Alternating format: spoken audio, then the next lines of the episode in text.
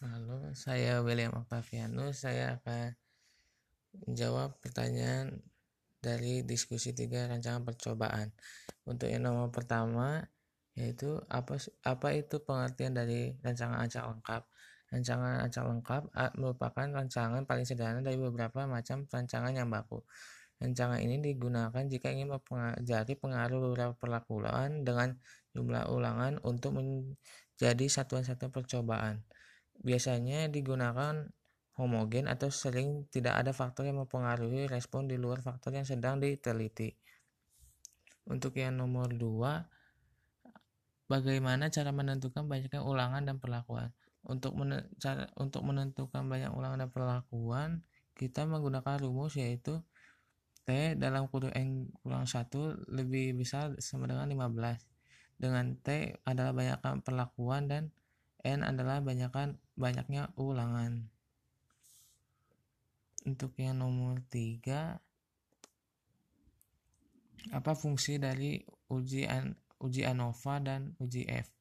Fungsi dari uji ANOVA dan uji F adalah sebagai alat analisis untuk menguji hipotesis penelitian yang mana menilai ada adanya perbedaan rata antara kelompok analisis ANOVA rata Lalu kalau analisis ANOVA juga sering digunakan pada penelitian eksperimen di mana terdapat beberapa perlakuan. Peneliti ingin menguji apakah ada perbedaan bermakna antara perlakuan tersebut. Untuk yang nomor 4, bahasa dari manakah data yang dianalisis untuk uji ANOVA dan F? Uh, datanya berasal dari penelitian yang diterapkan dari beberapa perlakuan uji F sendiri, yaitu hasil dari nilai AK ANOVA yang nantinya dibandingkan dengan tabel F untuk menguji hipotesis. Untuk yang nomor 5, bagaimana cara menarik kesimpulan dari hasil uji F?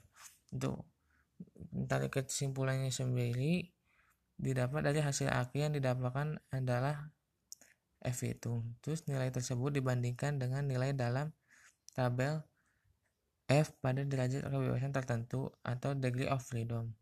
Freedom. Jika F hitung dia lebih besar dari F tabel, maka dapat disimpulkan bahwa e, eh, H0-nya ditolak. Jika F hitungnya lebih kecil sama dengan F tabel, maka H0-nya diterima dan H1-nya ditolak. Sekian, terima kasih.